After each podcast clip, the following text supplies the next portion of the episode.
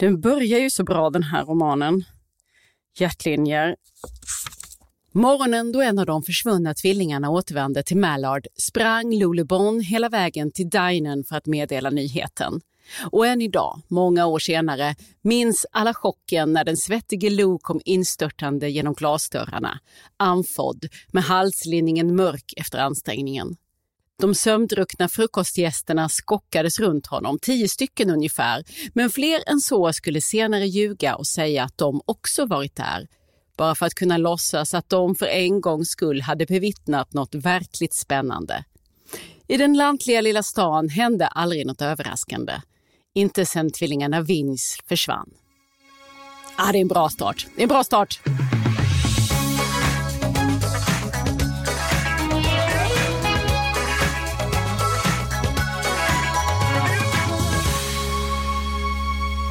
Britt Bennett, mina damer och herrar, det är ett namn att lägga på minnet. Britt Bennett. Hennes roman The Vanishing Half, som på svenska fått titeln Hjärtlinjer, den har gått som en löpeld mellan läsare och bokcirklar i den engelsktalande världen och den har bitit sig fast på New York Times bästsäljarlista.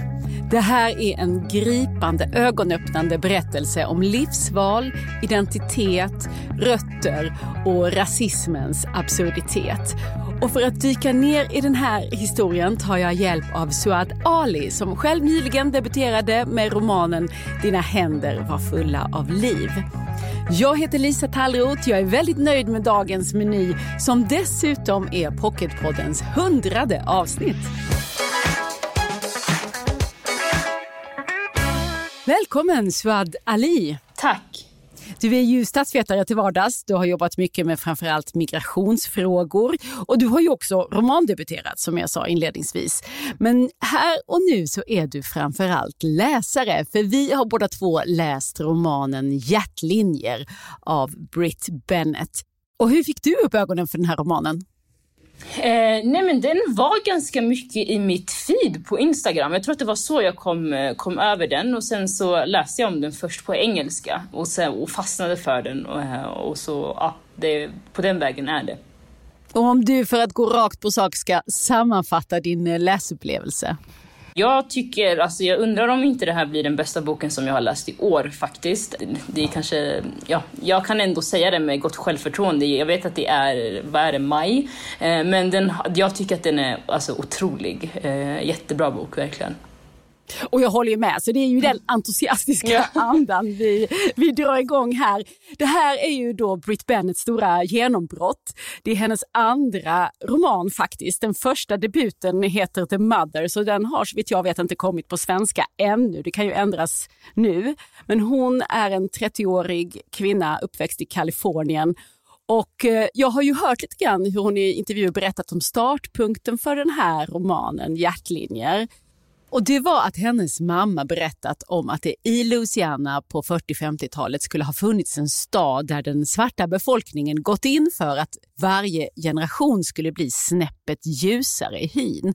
Och huruvida den här stan faktiskt har existerat, det är i sig inget som Bennett har undersökt.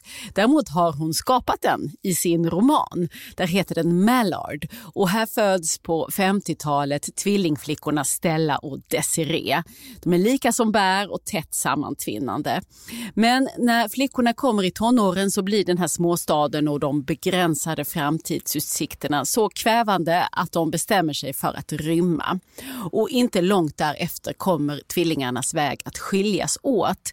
För när Stella på en anställningsintervju blir tagen för att vara vit så kan hon inte motstå den här möjligheten. Utan hon klipper banden med sin syster och med sitt ursprung för att leva som vit. Och kvar står då Desiree som i sin tur får barn med en svart man och så småningom återvänder till Mallard med sin då uppseendeväckande mörka dotter. Så detta är upplägget för romanen Hjärtlinjer som, och som alla fattar finns här mycket att prata om. Var tycker du att vi ska börja Suad? Nej men det är, alltså, det är som du säger, det finns ju så mycket, alltså, det är så mycket olika saker som jag tänker att man kan diskutera i den här boken. Men eh, någonting som jag tycker är väldigt intressant är kontexten som den utspelar sig i. Alltså det är ju som du säger liksom 50 år bak i tiden. Det är två systrar som har eh, ja, de har sett sin, sin pappa eh, mördas liksom, på grund av hans hudfärg.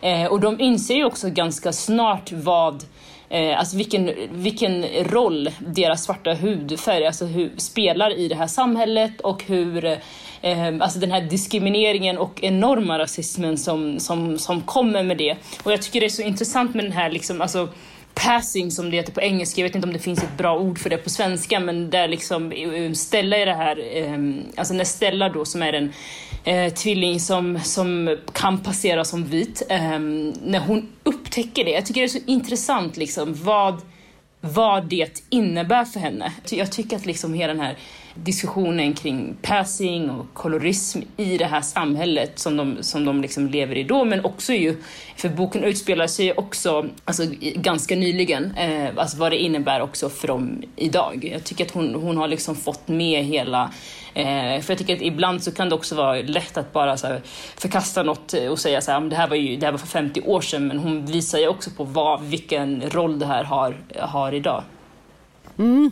Den här eh, historien spänner ju över 50 år. Precis. Och vi får också följa tvillingarnas döttrar i nästa led. Och det kallas ju då passing eller racial passing. Mm. Det som Bennett skildrar här. Och jag tänkte att jag skulle läsa ett litet stycke som jag tycker fångar Stellas upplevelse och hennes förvirring när hon inledningsvis nöjer sig med att spela vit på sitt arbete där hon som sekreterare kallas Miss Ving. Mm. Men sen är hon ju tillbaka som den svarta Stella på kvällarna tillsammans med sin syster. Och en sån där kväll skildras så här. En kväll när de stod utanför en restaurang och väntade på att bli serverade genom luckan för färgade tänkte hon Miss Vinj skulle inte ta emot sin mat genom ett fönster i en gränd som en biracka. Hon kunde inte avgöra om hon själv var förnärmad eller om Miss Vinj var det och hennes vägnar. Ibland undrade hon om Miss Ving var en helt egen person. Kanske var hon inte en mask som Stella satte på sig. Kanske var Miss Ving redan en del av henne. Som om hon hade kluvits på mitten. Hon kunde vara den kvinna hon bestämde sig för beroende på vilken sida av ansiktet hon vände mot ljuset. Ja, vad tänkte du om den här upptäckten Stella gör? Nej, men jag, tycker att det är, liksom, jag tycker att det är olika lager. För jag tänker så här, de, de befinner sig liksom i ett extremt rasistiskt USA. Brutal, alltså du, du blir mördad. Ja, det är ju under Jim Crow-lagarna. Precis, precis. Och jag tycker att det, det är viktigt att säga. Precis, att liksom, viktigt att säga att det är, liksom, det, är, det är Jim Crow, det är, liksom, det är där, där vi befinner oss. Och sen tycker jag också att hela den här passing, att passera som vit i, i Stellas fall, jag tycker att det är intressant för att, att kunna passera som vit är ju liksom, det är ett privilegium. Hon kan ju göra det, hennes syster kan inte göra det till exempel. Och när hon, när hon liksom gör den här upptäckten eh, och när hon inser att så här, nu kan jag passera som vit. Eh, det kommer ju också med massa risker. Alltså hon är ju hela tiden, eh, genom boken är hon ju rädd för att, liksom, för att bli upptäckt. Hon blir ju liksom, blir också det liksom, senare i boken. Men jag, tänker, jag tycker att det fenomenet är så, är så intressant.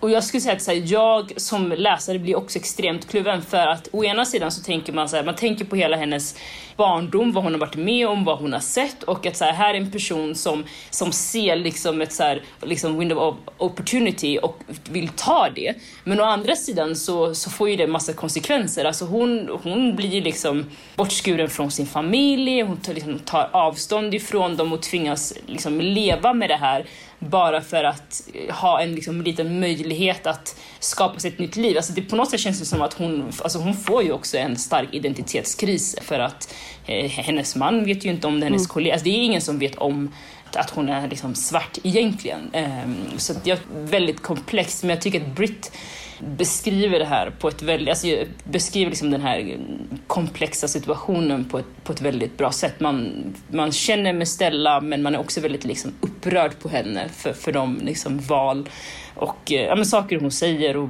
val och beslut som, som hon fattar. Liksom. Men det är så, absolut, det kommer med ett pris. Det var nog där jag försökte komma, att eh, det kommer med ett väldigt högt pris för henne.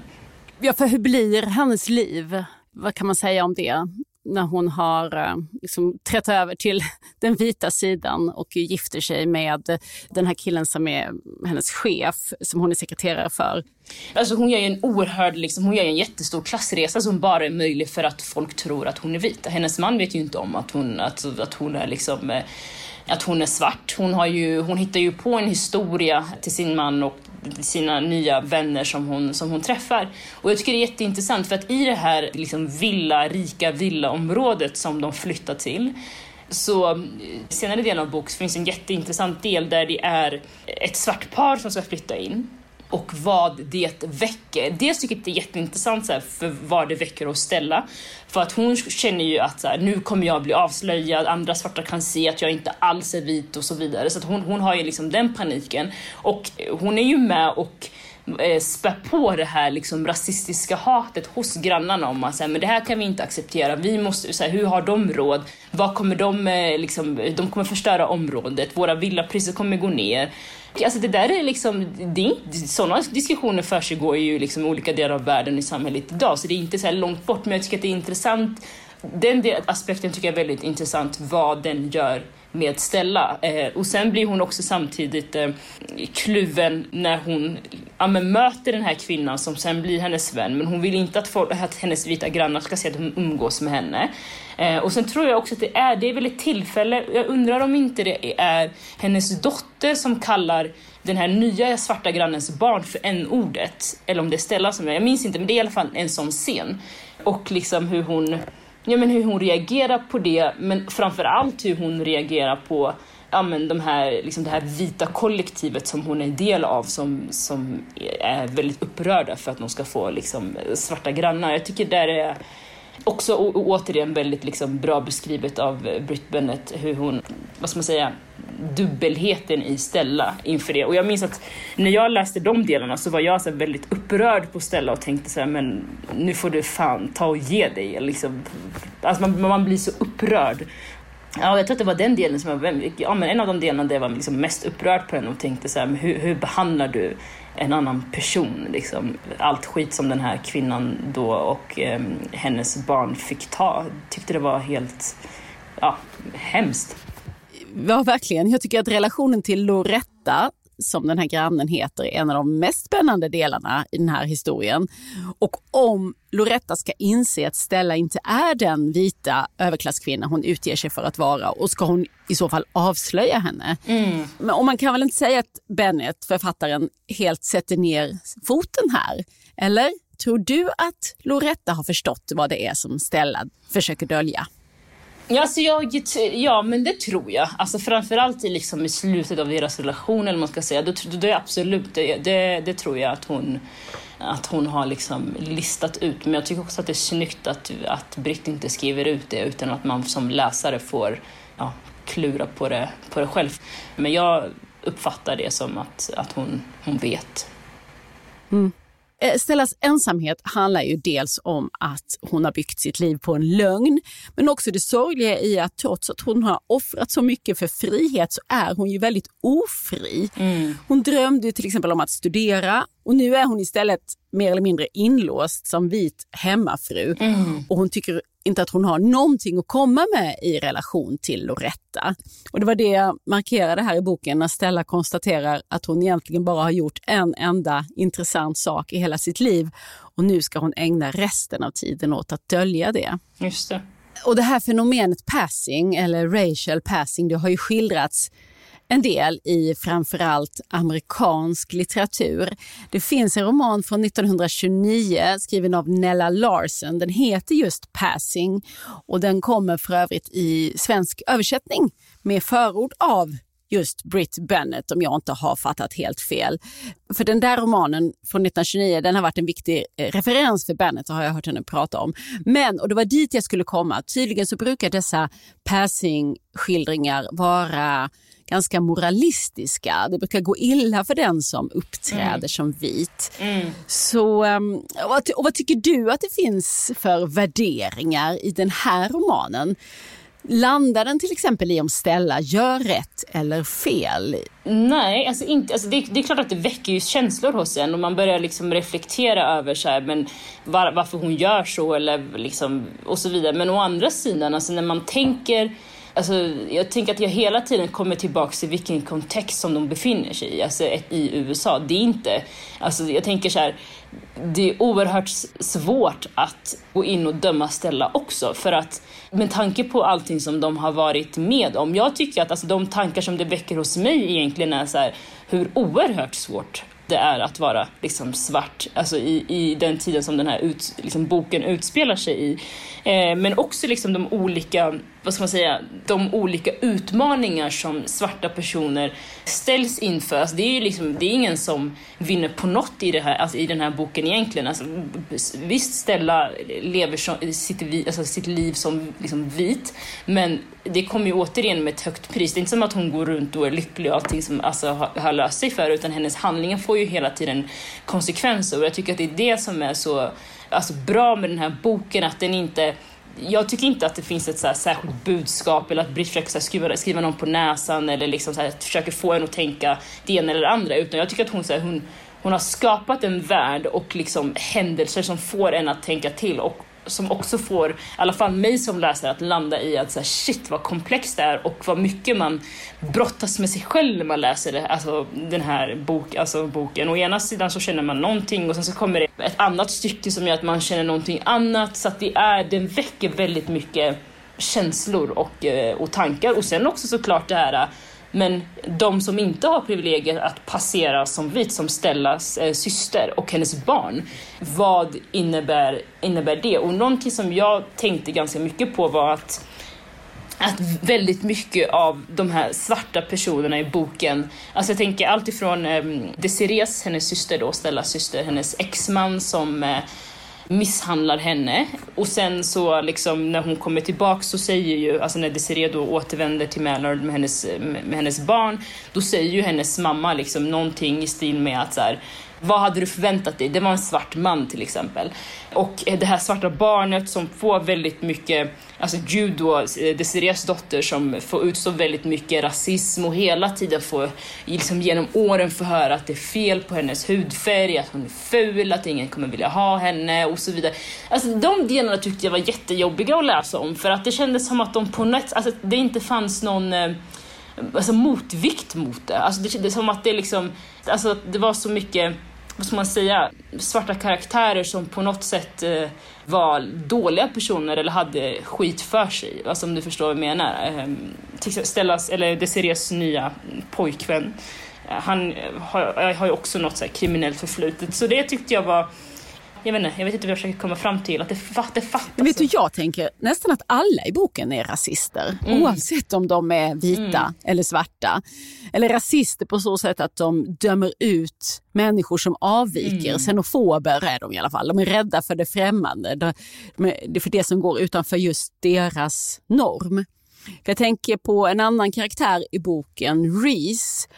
Eh, han genomgår ju också en slags transformation eller passing Född som vit kvinna rör han sig till att bli vit man. För honom handlar det om en könskorrigering och han kämpar ju precis lika hårt som Stella med att ta sig ur en medfödd identitet och inte minst att hålla sin bakgrund hemlig för världen. Ja, alltså jag tänker så här, Reese har ju... Ja, det kanske är han då som är minst fördomsfull och snällast av alla. Ja, men det, alltså precis, nej men absolut. Eh, men det som jag funderar på, alltså vi får ju veta liksom en del av Reese, alltså hur hans familj reagerar på hans könskorrigering och att de kastar ut honom, han blir utsatt och så vidare. Sen hittar ju han sitt community, alltså någonstans där det finns liksom, där han blir eh, accepterad och eh, vad ska man säga, Jude och Reese eh, kärleksrelation, där de liksom, eh, stöttar de ju så varandra. Men jag tänker så här, för resten av Alltså de svarta karaktärerna, där kände jag, och jag vet inte, jag saknade liksom någon motvikt. Alltså, alla, det kändes som att alla svarta karaktärer, liksom, eller de, de mest framstående på något sätt, Desirées man var liksom en um, svart person som hade, som hade lyckats trots den här enorma rasismen i samhället, men han misshandlade också henne liksom ordentligt. Den här nya mannen hon träffade, också någon form, alltså han, han, är, han är kriminell. Fast, eh, fast han är ju en god person trots sin kriminalitet. Jo, jag tänker Early är ju en absolut. väldigt varm och eh, omhändertagande person, Desirées pojkvän. Är inte han någon liksom att tycka om? Jo, alltså det, jag, för mig handlar inte det mer alltså, om, om tycka om eller inte, utan jag reagerar mest på liksom karaktärsbeskrivningen när det kommer till svarta personer. Där jag känner att jag saknar nog en, en nyansering. Alltså förstår du? Att det inte... Ah, Ja, Jag förstår vad du menar. Men tyckte du att det fanns bland de vita karaktärerna? Var de mer nyanserat beskrivna tänker du? Alltså till en viss del tycker jag det. Så jag tänker om man tänker på, ehm, vad heter hon då? Alltså dottern till Stella och Kennedy. Stellas, eh, precis, Kennedy och Stellas eh, man. Eh, Alltså det är klart att de också, liksom, Kennedy har ju inte hon beskrivs ju som en, liksom, vad ska man säga, en privilegierad vit person som inte vet vad hon vill göra med sitt liv och hon testar sig fram och så vidare. Men man förstår hennes liksom, bakgrund mer och liksom, den här kontrasten, den här sökande dottern som försöker nå ut till sin mamma, den här förvirrade studenten som känner att hon inte kan nå upp till sina föräldrars liksom, för höga krav för att hon vill bli skådespelare eh, och så vidare. Henne får vi ändå möta på olika sätt medan Jude tycker jag det är inte, där tycker jag att mycket fokus är på att, hon, eh, att folk uppfattar henne som ful för att hon är svart. Och sen är hon också smart. Men inte så mycket mer. Alltså, jag, vet inte, jag, vet, jag kan inte sätta liksom, fingret på vad det är Lisa, men det är någonting med de svarta karaktärerna som, jag, som gör att jag känner så här, men kan de få vara mer nyanserade eller kan vi få fler svarta karaktärer som inte är eh, stereotyper? Eh, men jag kanske läser in det för mycket, jag vet inte. Nej, men det, jag tycker det är intressant och, och jag tänker att en del av bokens idé är att vi här tvingas anta olika perspektiv och kap eftersom kapitlen rör sig mellan olika huvudpersoner. Jag tänkte på att hos mig väckte den här romanen många tankar kring vilka konsekvenser den här typen av nedtystade ursprungsberättelser eller eh, identitetsförflyttningar för med sig och var konsekvenserna landar. För här skildras det ju som väldigt brutala livsöden med ringar på vattnet i, i flera generationer. Absolut. Ja, tydligast hos döttrarna här. Absolut.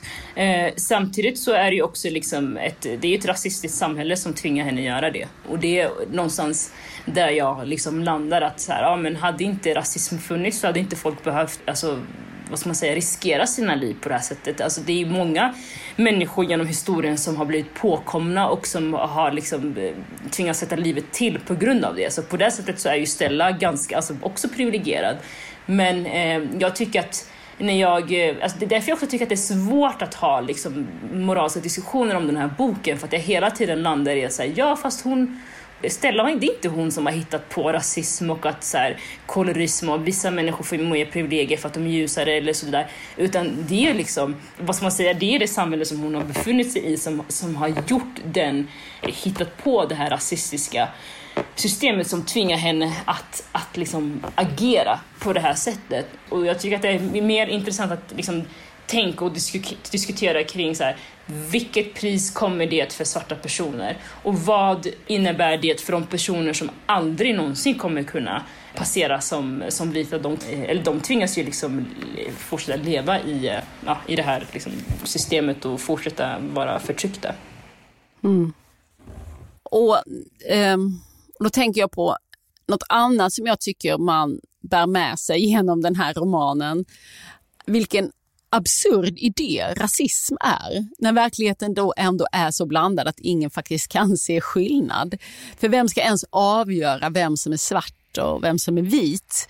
Första gången som, jag tänker på att när första gången Stella passerar som vit så inser hon att det bara handlar om att våga. Det handlar om att uppvisa en självklar äganderätt när hon kliver in på det där museet där svarta då egentligen inte är tillåtna. Och djärvheten blir hela skillnaden i hennes fall. Och det finns liksom inga andra fakta i fallet. Det som jag, det som jag funderar på är ju liksom att så här, den strukturella rasismen som, som råder i den värld och i den tid som de befinner sig i reagerar ju på, alltså hur ska man säga, Stella kan endast passera som vit när hon är ensam. Det är det som jag tycker är intressant. För att när hon är, när hon är med sin mamma och när hon är med sin syster, då kan hon inte göra det. Det är därför hon får panik när de här svarta grannarna flyttar in. För då inser hon ju också så att okej, okay, nu är min liksom, ställning hotad. Nu kommer det någon utifrån som, som vet att det... För det tycker jag också är intressant. Alltså svarta personer kommer i alla liksom, nyanser. Och så här, du kan vara white passing men, men, du är fortfarande svart. Och jag tycker så här, det är också det hon inser när Loretta och hennes familj flyttar in att så här, nu kommer en annan svart person som kan, som kan se att jag inte är vit. Men i det här vita, liksom, homogena villaområdet som hon bor i och det liksom, vita liv som hon lever i den historia hon berättar är ju att hon, hon hade haft jättesvårt och så vidare och så vidare och då, då är det liksom ingen som, och hennes föräldrar är döda och så, då är det ingen som vågar fråga det. Men jag tycker att det är intressant för att Alltså vad det gör när det kommer in en annan så svart person i, i Stellas liksom låtsasliv som på något sätt kan se och avslöja henne. Men vad det också innebär i den här i den här stora kontexten i, i ett land och samhälle som har format liksom lagar och liksom levnadsregler efter rasism. Och jag tycker att det som är på något sätt kärnan i det här tycker jag att Stella har inte, liksom, hon har inte valt det här livet utan hon, har, hon, hon tvingas anpassa sig efter rasism. hon, hon, återigen, hon, så här, ja, hon, hon kan gå in i det här museet och hon inser att oj, nu, nu passerade jag som vit, men så här, det kanske gäller idag, imorgon kanske är det någonting annat. Jag tänker så här, det kommer ju hela tiden med priset av att du kan dödas på grund av det. Det, det har ett sånt oerhört liksom, högt pris den här alltså, sociala konstruktionen som, som liksom, eh, rasism, rasismen är. Alltså det, det, folk tror ju på riktigt på de här sakerna. Att, liksom, att är man svart så har man inte, liksom, alltså, så är man inferior och så vidare. Och så vidare. Och för att ställa att ens liksom, våga utmana de här lagarna i den här tiden där boken utspelar sig. Alltså jag tycker det är Alltså, man har ju hela tiden så panik över att någon ska hitta henne och avslöja henne och liksom, ja, göra sig av med henne. Men återigen, så här, vad skulle hända om Desiree gick in på det här museet? Det skulle hon ju aldrig göra för att hon vet ju vad, vilka konsekvenser som, som, som det kommer få. Så att Stellas vita hy på något sätt ger ju henne utrymme att så här, försiktigt utforska, utforska den här världen. Fast poängen tänker jag är att de ser likadana ut. Mm. Så, så, så, så slumpmässigt är det väl inte. Om det var Desiree som hade varit djärv nog så hade det kunnat vara hon som levde det vita livet. Det som jag funderade på där var att, alltså jag, jag tänker Desirees svårighet med det blir ju framför allt när hon får det här barnet som hon inte på något sätt kan koppla bort från sig själv.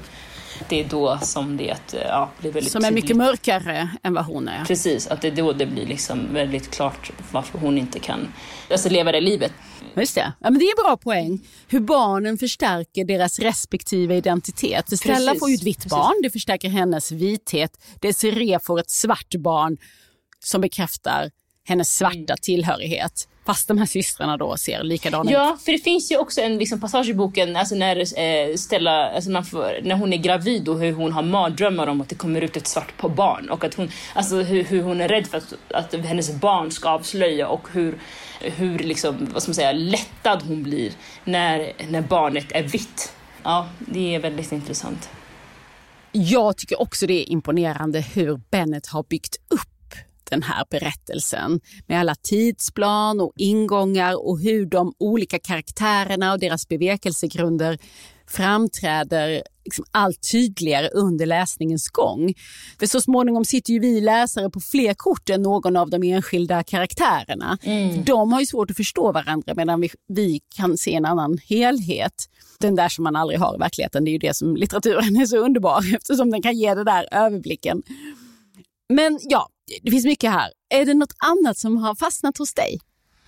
Eh, nej men jag tycker att det är fint att man får följa döttrarnas, liksom, alltså hur de eh, lär känna varandra och hur de eh, också på något sätt, eh, vad ska man säga, lever med ja, resultatet av deras föräldrars eh, handlingar. Eh, tycker jag är väldigt alltså, intressant. Jag tycker det är fint att så här, få följa, följa den relationen. Sen tycker jag också att det är, alltså, för jag tänker på Alltså en, genom den här boken så tänkte jag hela tiden så att så här, ja, men kommer Stella återvända? Kommer hon eh, eh, träffa sin mamma? Kommer hon, alltså kommer de liksom, kommer hon och Desiree hitta varandra? Och, och man hoppas ju hela tiden att allting bara ska bli bra. Och att de ska förstå varför de har liksom handlat som de har gjort och så vidare. Men jag tycker att det är bra att det inte blir så. Jag gillar det här på något sätt, vad ska man säga, eh, slutet som den här boken får för att det gör också att man sitter kvar och liksom tvingas tänka på de här grejerna. Alltså man, att man som läsare tvingas reflektera sig men shit, alltså, för jag tycker att den här boken känns som en resa eh, på det sättet att, eh, ja, att man, man tänker på de här karaktärerna efteråt och undrar så här, vad, vad hände med dem och hur blev det för den här och eh, så där. Så jag tycker att eh, för på något sätt känns det också som att slutet på något sätt är ett så här, så här vad ska man säga, att det inte riktigt ett, eh, är ett slut utan mer en början kunde jag tycka eh, när jag läste sista sidan. Alltså, men oj, nu, nu börjar någonting nytt och sen är det liksom slutet. Det var tydligen en väldigt upphetsad budgivning kring filmrättigheterna för den här boken läste jag. Det slutade med att HBO nu blir de som ska göra en tv-serie baserad på hjärtlinjer. Och vad tror du om möjligheten att lyckas med det? Ja, alltså jag, är, jag är mer en liksom bokslukare än vad jag är tv-serieslukare. Men eh, jag eh, tycker att det är bra att den kommer ut i olika format också. Eh, så att den når ut till, till fler personer, absolut. Det blir intressant att se om de verkligen hittar ett tvillingpar. Eller om de gör den där, du vet ibland när de ska filma tvillingar så blir det en skådespelare som får spela ah, båda. Okay. Just det. Det är ju svårt att tro att tv-serien blir bättre än den här boken. Summa summarum kan vi väl säga att vi varmt rekommenderar den här för läsning och för samtal. Jag, för jag tänker att det, och hoppas att det har framgått att här finns mycket att ventilera även om vi inte har hunnit beröra allt. Jag hoppas ju att, att fler och fler liksom får upp ögonen för den här romanen och att alltså, det ska vara intressant att få ta del av Ja, men så här, för läsare uppfattar ju alltid en roman på olika sätt. Så det, jag skulle tycka det var intressant att så här, få tjuvlyssna på hur olika så läsare tolkar och vad de tar med sig eh, från, från den här romanen. Precis som vi nu har fått lyssna på dig. Ja, ja men precis. Och ännu fler funderingar, röster, åsikter, tankar kring den här romanen har vi samlat under hashtag hjärtlinjer bokcirkel. Tusen tack Suad Ali för att du var med här i Pocketpodden. Tack Lisa, fint att få prata med dig. Ja, om du också har svårt att släppa den här romanen så finns alltså hashtag hjärtlinjer bokcirkel i våra sociala medier där vi heter Älska Pocket. Jaha, med det rundar vi för idag, men Pocketpodden är tillbaka redan om en vecka och då gästar författaren Elin Persson. Hon är aktuell nu i vår med sin andra roman för unga vuxna. Den heter Det är någonting som drar i mig och vad det är som drar, det ska jag undersöka nästa gång vi hörs. Jag heter Lisa Pärlroth. Hej då! Du har lyssnat på Pocketpodden en podd från Bonnierförlagen.